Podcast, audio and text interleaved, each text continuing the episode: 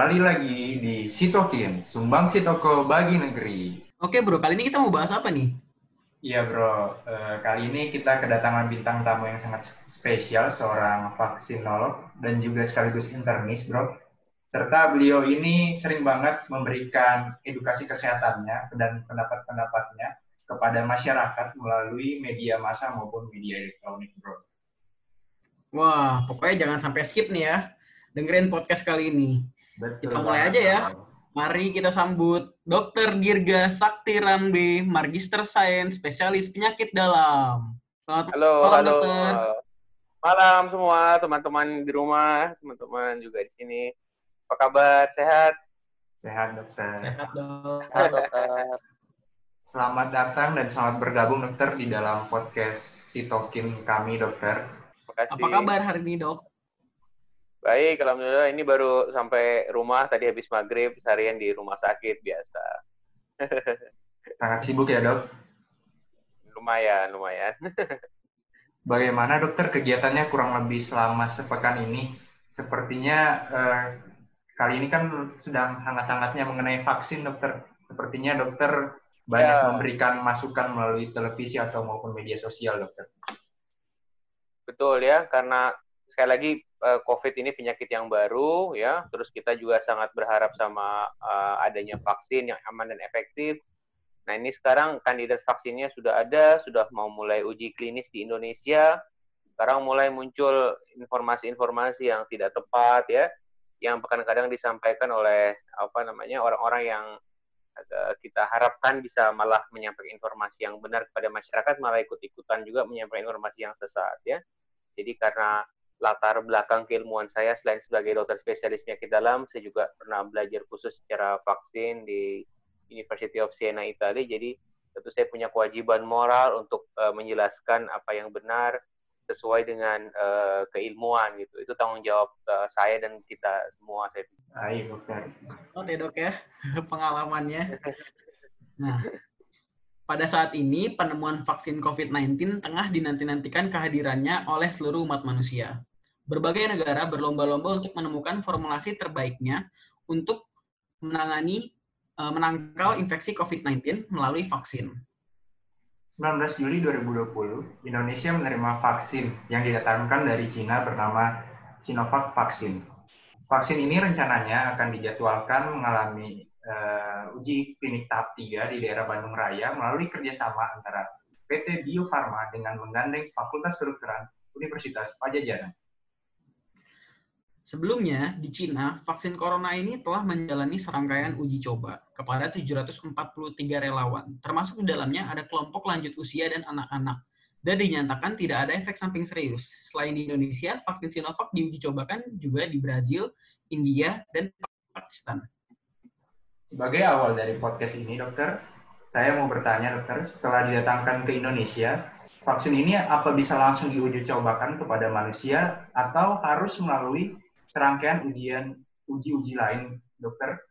Kan tentunya eh, yang kami ketahui sebagai kami di sini koas, eh, sebuah obat atau vaksin itu harus melalui tahapan uji klinik dari tahap 1 hingga tahap 4. Kira-kira bagaimana dengan vaksin Sinovac ini? Apa mesti harus balik lagi dokter ke tahap pertama, dokter? Terima kasih, dok. Betul. Ya, ini pertanyaan yang bagus ya, sekaligus menjawab apa keingintahuan uh, masyarakat ya. Jadi baik itu untuk vaksin atau pengembangan obat baru juga sama ya. Sebetulnya yang utama ada tiga fase ya. Ini saya jelaskan dulu uh, latar belakangnya. Uh, fase pertama itu biasanya diuji coba pada uh, puluhan orang untuk menilai terutama keamanan, safety ya. Terus kalau dia udah lulus di fase 1, maka lanjut ke fase 2, itu diuji coba sampai puluhan sampai ratusan orang. Ini untuk me- melihat bukti awal dari efektivitas. Kalau kita efektivitas, kalau dalam bahasa trial namanya efikasi ya, efficacy. Ya, kalau dia udah dipakai di luas namanya efektivitas. Jadi bahasanya efikasi. Nah, nanti fase 3 ini fase yang paling menentukan karena dipakai di ribuan orang kadang sampai puluhan ribu, ratusan ribu, di situ akan kelihatan uh, terutama untuk menilai efek efikasi efikasi yang sebenarnya ya. Kembali ke pertanyaannya tadi, maka uh, secara umum uh, untuk saat ini fase 1 dan fase 2-nya itu sudah dikerjakan ya di uh, dalam hal ini karena ini Sino, uh, dari perusahaan China PT apa Sinovac jadi fase 1 fase 2-nya sudah dikerjakan di uh, China tadi seperti yang teman-teman sampaikan. Nah, pada kasus seperti ini uh, memang lazimnya demikian. Kalau sudah ada data fase 1 dan fase 2 artinya uh, vaksin kandidat vaksin tersebut dinyatakan lulus ya paling tidak dinyatakan aman ya artinya punya safety profile yang acceptable gitu. Ya, sedangkan kalau untuk menilai efektivitas nanti kita ngomong itu sudah di fase 3. Oleh karena itu kalau sudah pernah dikerjakan fase 1 dan fase 2-nya dan hasilnya sudah dipublikasikan, dirilis ke kita semua, maka dapat langsung dilakukan fase uji klinis fase 3 ya jadi kalau di negara lain tidak perlu ngulang dari fase 1 dan uh, fase 2 ya dan teman-teman harus tahu bahwa untuk memulai uji klinis itu apa pun ya bukan cuma vaksin COVID ada yang namanya komite etik ya ada komite pengawas.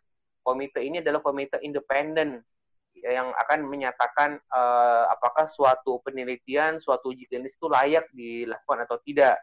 Terutama salah satunya tentu dengan melihat tadi data-data fase uji fase 1 dan uji fase 2. Kira-kira begitu. Baik, dokter. Uh, sebenarnya kan sebelumnya tadi juga sempat diceritakan, dokter, kalau misalnya uh, ada 700-an orang yang sudah uh, menjadi istilahnya sukarelawan untuk uh, ikut dalam partisipasi dalam ini uji klinis dari vaksin ini, dokter. Uh, sebenarnya yang saya ingin tanyakan adalah kriterianya apa dokter untuk menjadi relawan yang uh, relawan yang bisa diuji vaksin seperti ini. Mungkin salah satu contohnya dia harus uh, belum pernah eh, harus negatif COVID-19 seperti itu, dokter. Betul ya.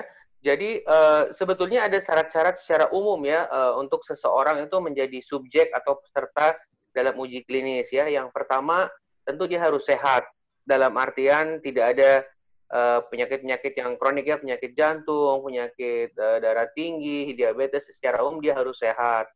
Lalu biasanya itu dicoba pada orang dewasa muda dulu jadi usia 18 sampai 59 tahun itu ya pada awalnya ya. Kemudian tentu yang ketiga dia harus e, terbukti belum pernah terinfeksi suatu penyakit yang akan dibuat vaksinnya ini gitu ya. Jadi dalam hal ini berarti yang bisa menjadi peserta uji klinis e, kandidat vaksin COVID Sinovac ini adalah mereka yang terbukti belum pernah terinfeksi. Caranya gimana? Ada dua cara ya. Jadi yang pertama di swab ya. Jadi untuk e, jadi kalau dia sehat, usianya sekian, ya memenuhi syarat, lalu domisili di kota Bandung ya dalam hal ini ya, nggak bisa tuh kita di Jakarta ikut nggak bisa karena itu salah satu kriterianya demikian. Lalu kalau nanti dinyatakan sehat, layak untuk itu, maka akan di swab ya. Kalau swabnya negatif, baru boleh uh, ikut ya. Sebaliknya kalau swabnya positif, tentu dia nggak layak karena udah terinfeksi. Kurang kurang lebih demikian. Baik dokter, berarti kita kita ini gede dopang sama Anggi sama saya bisa langsung ke Bandung kali ya. Buat jadi bisa kalau teman bisa bisa. Kalau teman-teman di Bandung bisa ikut itu ya. Saya kalau kalau saya seandainya dokter yang praktek di Bandung itu saya dengan sangat nggak pakai berpikir panjang saya akan mendaftarkan diri ya. Saya hmm. malah malah ingin Betul sekali banget. jadi jadi peserta. Ya tapi karena saya kebetulan emang bertugas di Jakarta dan saya nggak mungkin meninggalkan pekerjaan saya di sini jadi ya sudah saya nggak bisa ikut ya ini juga untuk menepis keraguan-raguan ya. Ada yang bilang ini negara apa Indonesia jadi negara kelinci percobaan segala macam itu itu tidak tidak tepat karena memang demikianlah standarnya. Kalau kita mau menggunakan suatu obat baru, suatu vaksin baru, dari mana pun asal uh, produk tersebut pasti harus diuji coba dulu pada uji klinis fase 3 di orang Indonesia sebelum dinyatakan aman dan efektif dan dikeluarkan izin edarnya oleh Badan POM. Itu apa uh, standar ya kebetulan aja ini produknya sekarang dari dari China ya. Padahal nggak juga bulan depan ada produk lain dari Korea ya, nah dari Genexin, kemudian dari Inggris juga ya. Jadi betul-betul kita harus menyampaikan informasi yang benar ke masyarakat supaya nggak ada apa informasi yang macam-macam gitu. Baik dokter. Oh, tadi kan sudah dijelaskan dok untuk oh, kriteria orang-orang apa saja yang orang-orang siapa saja yang boleh menjadi relawan dok. Tapi uh, selain kriteria, kriteria itu dok, uh, jumlah idealnya nggak sih dok untuk uh, kira-kira dibutuhkan berapa nih sukarelawan untuk melakukan uji klinik ini? Pasti kan uh, ada yang menghitung-hitung nih dok dari pendengar kami kira-kira butuh berapa orang ya dok? Iya. prinsipnya itu ada hitung-hitungan uh, secara epidemiologi ya, secara statistika itu ada hitung-hitungannya berapa minimalnya ya, kemudian uh, apa minimalnya dalam artian jumlah subjek atau peserta uh, uji klinis yang dengan jumlah tersebut kita sudah bisa menilai apakah uh, kandidat vaksin ini efektif dan uh, aman gitu ya. Tentu sebetulnya kalau ditanyakan makin banyak makin bagus ya. Saya kasih contoh uh, vaksin uh, HPV ya, human papilloma virus itu waktu itu uji klinisnya diikuti hampir sekitar 100 ribu orang misalnya ya. Tapi tentu ini kan kita sekarang situasinya beda. Ini kita bicara situasi pandemi. Kita pengen vaksinnya segera ada. Oleh karena itu, ya kalau kita nunggu 100 ribu ya kelamaan gitu kan. Nah, setelah dihitung-hitung, maka uh, saya kurang lebih sekitar 1.600-an ya kalau nggak salah ya. Ada yang uh, apa? Yang di Bandung ini ya, Bio Farma dan Sinovac dan itu pasti ada hitung-hitungannya dan dapat dipertanggungjawabkan secara ilmiah sehingga keluar tuh uh, angka tersebut gitu. Waduh, berarti butuh banyak orang dok ya. 1.600-an lumayan banyak dok. Betul. Baik dok, um, ini mengenai dosisnya, dokter kan pasti kita memberikan vaksin perlu ada dosis dan berapa kali penyuntikan untuk mencapai kadar imunogenitas yang diciptakan oleh tubuh. Kira-kira untuk vaksin Sinovac ini sendiri bagaimana, dokter? Ya, saya sudah sempat baca uh, protokolnya ya. Jadi memang untuk vaksin uh, apa kandidat vaksin COVID yang buatan Sinovac kerjasama dengan Bio Farma ini, ini merupakan suatu inactivated vaksin ya. Jadi vaksin yang yang mati. Nah, salah satu ciri khas uh, vaksin mati ini inactivated itu umum hampir selalu butuh lebih dari satu kali suntikan ya beda sama vaksin hidup misalkan campak ya varicella itu kita lihat semuanya kan kalau vaksin-vaksin hidup itu cukup satu kali suntikan ya ciri khasnya vaksin mati dua kali suntikan dan untuk vaksin ini di di dalam protokolnya direncanakan itu dua kali suntikan dengan jeda 14 hari jadi hari ini dan diulang uh, dua minggu kemudian nanti kemudian dinilai bagaimana uh, respons uh, antibodinya setelah dua kali pemberian. Gitu.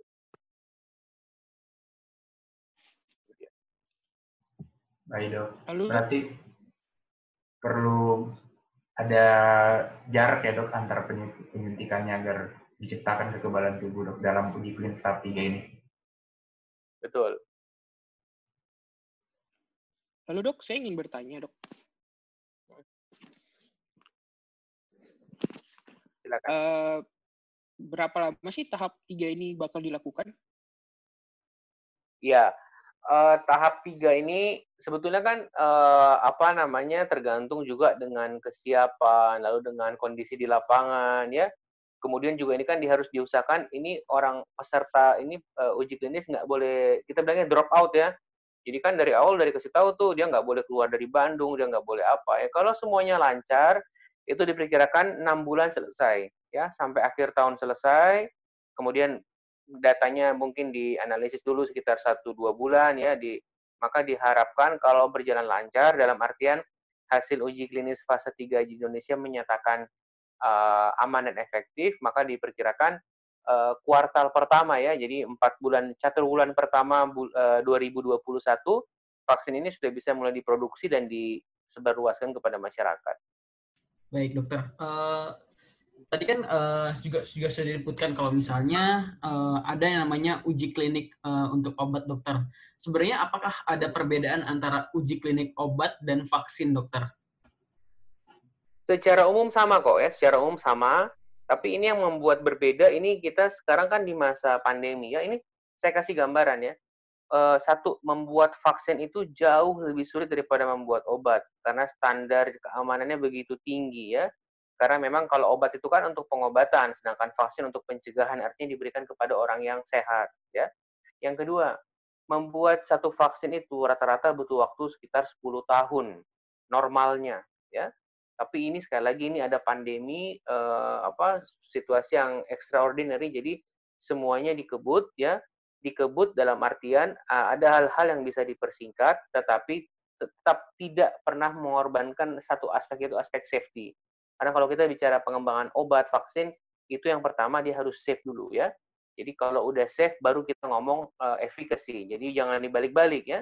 Nah, kalau udah sampai di fase ketiga, artinya uh, kandidat obat atau vaksin tersebut itu sudah uh, dinyatakan uh, safe ya pada fase 1 dan uh, fase 2. Jadi uh, jawaban pertanyaan tadi secara umum sih sama, tapi memang misalkan uh, yang istimewa adalah pada masa pandemi ini itu fase 1 dan fase 2 dikerjakan bersamaan, simultan. Kalau dulu fase 1 dulu ya sampai ini secara tradisionalnya pada keadaan umum fase 1 selesai apa hasilnya dianalisis nanti baru oh fase 2. Nah, ini enggak fase 1 fase 2 bisa berjalan simultan. Tapi tadi tetap dengan sama sekali tidak mengorbankan uh, aspek uh, safety. Itu. Wah, itu benar uh, tadi setelah uh, uji uji coba yang telah tadi dokter paparkan, uh, gini dok, masih banyak pendengar kami dok yang masih pengen tahu gimana sih sebenarnya cara kerja dari vaksin ini dok. Kan tentunya setiap obat atau vaksin itu uh, sudah didesain untuk uh, uh, menargetkan suatu jaringan atau sel atau bahkan molekul tertentu dok dalam tubuh. Nah untuk vaksin ini bagaimana sih dok cara kerjanya? Ya, ya. Jadi yang disebut adalah uh, komponen utama suatu vaksin itu disebut antigen, ya, antigen. Nah, antigen ini yang di, bila diberikan, entah disuntikan atau diteteskan kepada seseorang, maka akan memicu terjadi reaksi uh, imun, ya, imunitas, maka terbentuknya antibodi, ya. Jadi komponen vaksin apa pun itu disebut sebagai antigen. Dalam hal ini, antigen itu umumnya hampir selalu adalah uh, merupakan suatu protein jadi kita sebutnya sebagai protein target ya. Jadi termasuk untuk vaksin uh, yang akan kita uji coba ini uh, apa namanya? Uh, antigennya itu berupa protein target yang memang udah disasar artinya uh, ini adalah protein-protein utama gitu. Jadi uh, dari awal juga didesain. Uh, jadi mau virusnya ditemukan dari China atau virus yang ditemukan di Amerika, di Indonesia dengan satu vaksin ini bisa di, bisa digunakan. Jadi bukan kalau vaksinnya dari perusahaan Cina cuma bisa berlaku untuk virus yang ditemukan di China atau di Indonesia saja di Amerika enggak ya. Jadi uh, uh, biasanya virus itu walaupun dia asalnya ditemukan yang berbeda-beda tapi uh, dia uh, memiliki suatu kesamaan uh, apa uh, gen atau susunan uh, protein yang ini yang sama ini yang dijadikan sebagai protein target sehingga bisa dipakai di uh, seluruh dunia. Kira-kira gitu. Baik, dokter. Nah, dok, tadi kan dokter sudah menjelaskan tuh dok, tentang cara kerja vaksin, dok.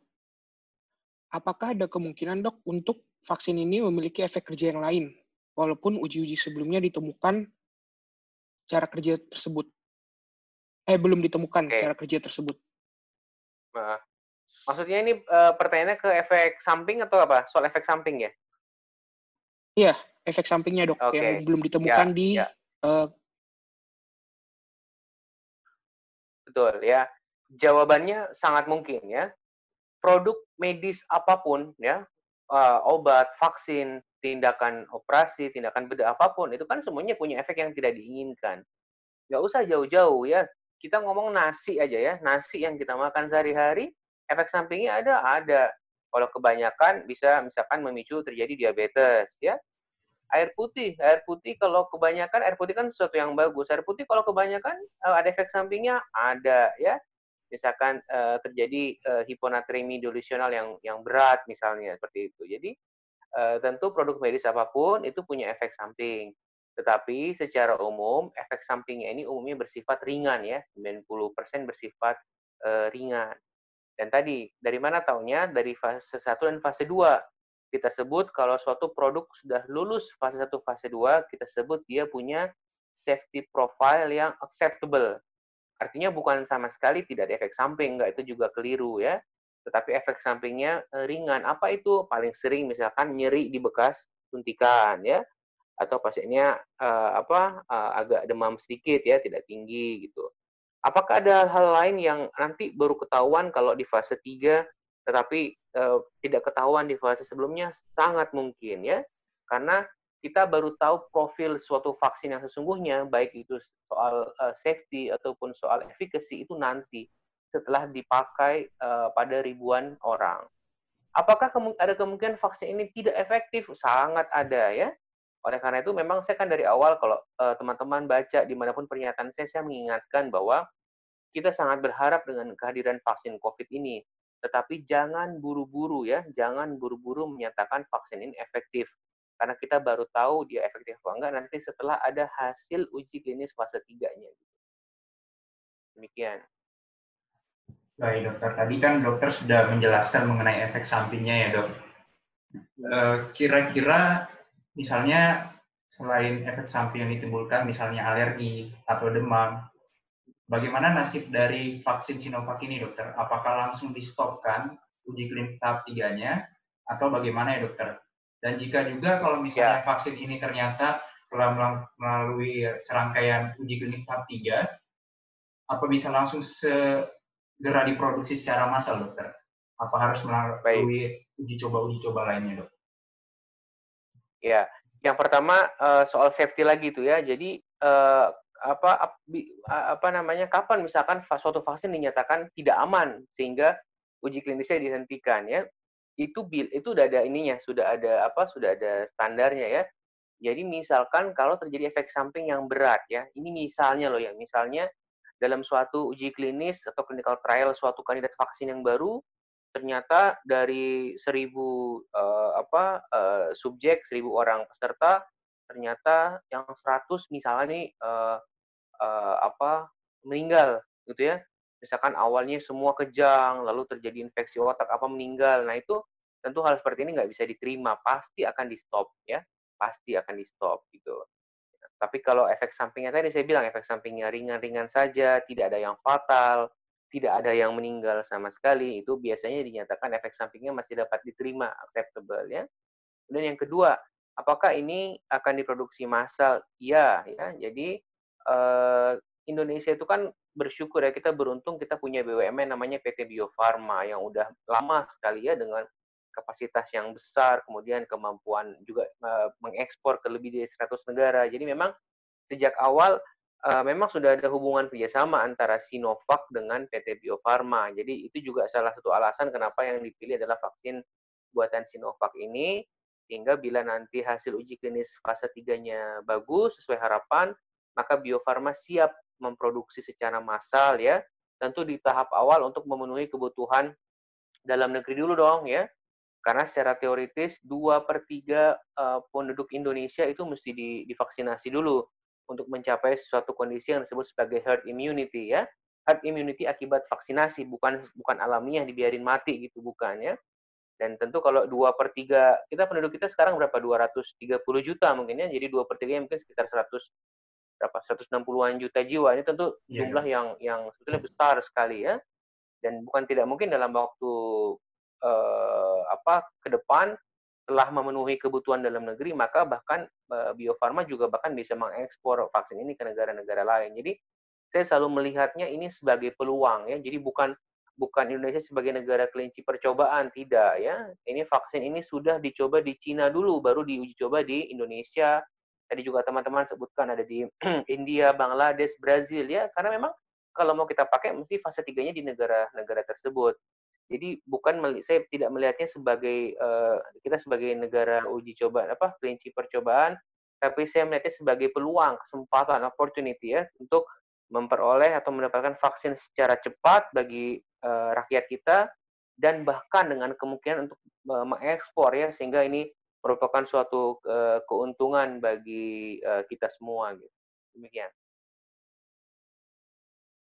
Baik dokter, sepertinya hmm. prospeknya cukup bagus nih ya dok ya mengenai maksudnya mengenai ya vaksin ini berhasil gitu ya hmm. dok.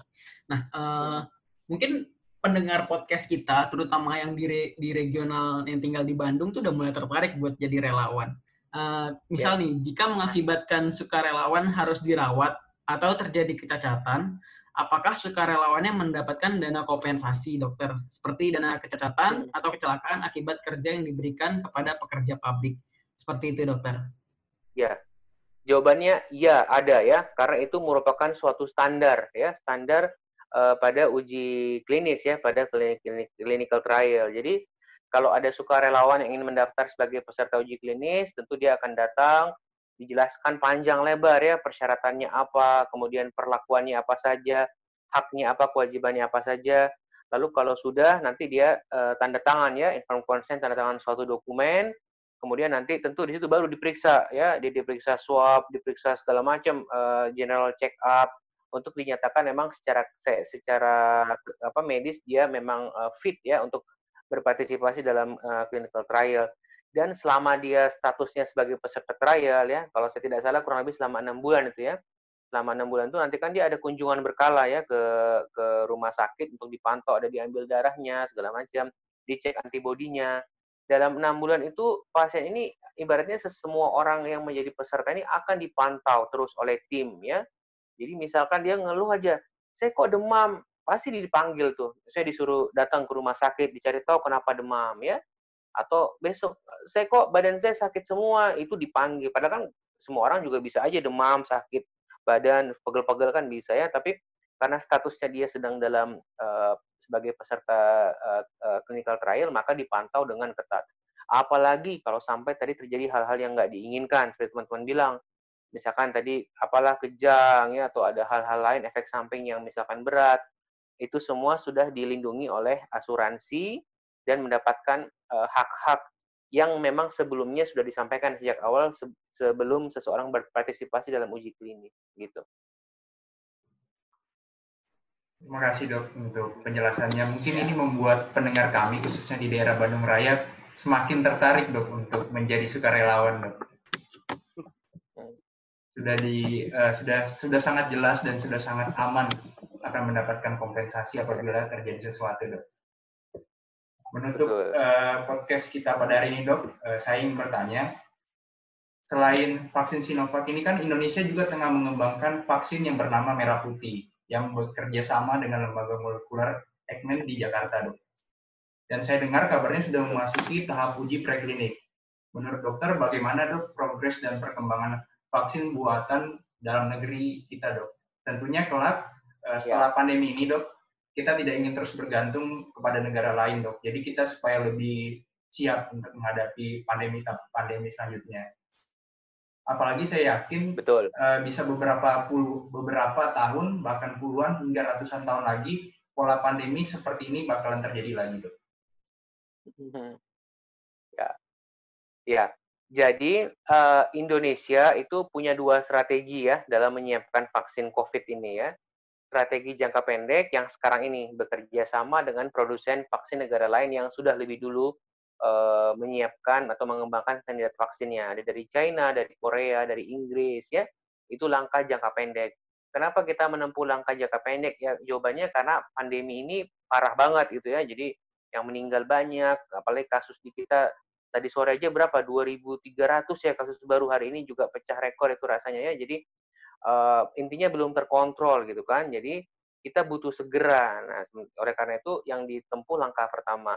Tetapi untuk jangka panjang, jangka menengah dan jangka panjang, Indonesia juga mengembangkan vaksin sendiri. Tadi yang teman-teman bilang bahasanya vaksin merah putih ya, padahal itu sebenarnya cuma istilah doang tuh ya, nanti pasti ada ada namanya ya.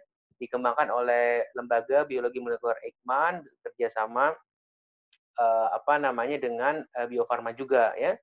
Uh, ini dilakukan gunanya untuk uh, apa namanya men, untuk menjaga kemandirian industri uh, vaksin nasional sebetulnya. Jadi kita ini kan negara besar, jumlah penduduknya besar ya, kasus coronanya juga besar. Kemudian kita punya perusahaan produsen vaksin yang juga dengan jejak yang panjang. Oleh karena itu ya, memang mau nggak mau kita harus bisa menyiapkan vaksin sendiri.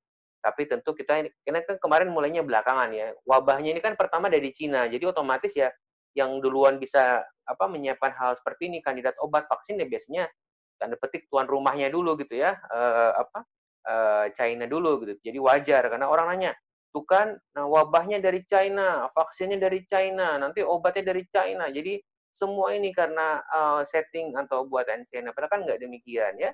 Ya kalau uh, virusnya dari China uh, secara logis uh, ilmuwan di sana lebih dulu ya uh, apa menyiapkannya. Kita baru belakangan kita baru menyiapkan. Jadi uh, betul uh, apa sekarang sedang masih fase preklinis ya. dan memang vaksin buatan Indonesia ini ditargetkan itu kalau semuanya lancar sekali lagi ya kalau semuanya lancar. Jadi uh, ceritanya itu gini uh, lembaga Eijkman menyiapkan antigennya. Nanti kalau sudah jadi baru diserahkan ke Bio Farma untuk di scale up ya untuk diproduksi secara massal kalau semuanya lancar uh, itu diperkirakan tersedia tahun 2022 ya dua tahun 2022 artinya satu tahun lebih lambat daripada uh, vaksin yang dicoba di Bandung saat ini ya. Tentu ya kita berharap baik itu uh, clinical trialnya uh, vaksin Sinovac atau uji klinisnya vaksin uh, merah putih ini kita berharap semuanya uh, berjalan sesuai harapan ya. Vaksinnya aman dan efektif sehingga kita betul-betul punya punya tool ya uh, untuk men me menghentikan uh, laju uh, pandemi ini karena memang para epidemiolog itu memang bersepakat bahwa uh, rasanya ya tentu semuanya penting ya. Kita harus tetap bermasker kita tetap uh, cuci tangan jaga jarak. Tetapi kan vaksinasi itu merupakan suatu upaya pencegahan penyakit infeksi yang paling efektif dan spesifik dia. Itu yang tidak dimiliki oleh uh, pencegahan-pencegahan yang lain. Karena memang langsung mem membentuk memproduksi antibodi ya kekebalan sehingga seseorang uh, kebal terhadap suatu uh, penyakit uh, COVID ini. Demikian. Baik dokter, tentunya kita berharap vaksin merah putih ini menjadi batu loncatan uh, kita dalam dunia riset atau penelitian soal vaksin ya dok. Untuk uh, penelitian kita di bidang uh, vaksin lainnya itu bagaimana sih dok setelah pandemi ini? Bagaimana wajah penelitian kita dok di bidang vaksin setelah pandemi COVID-19 ini dok?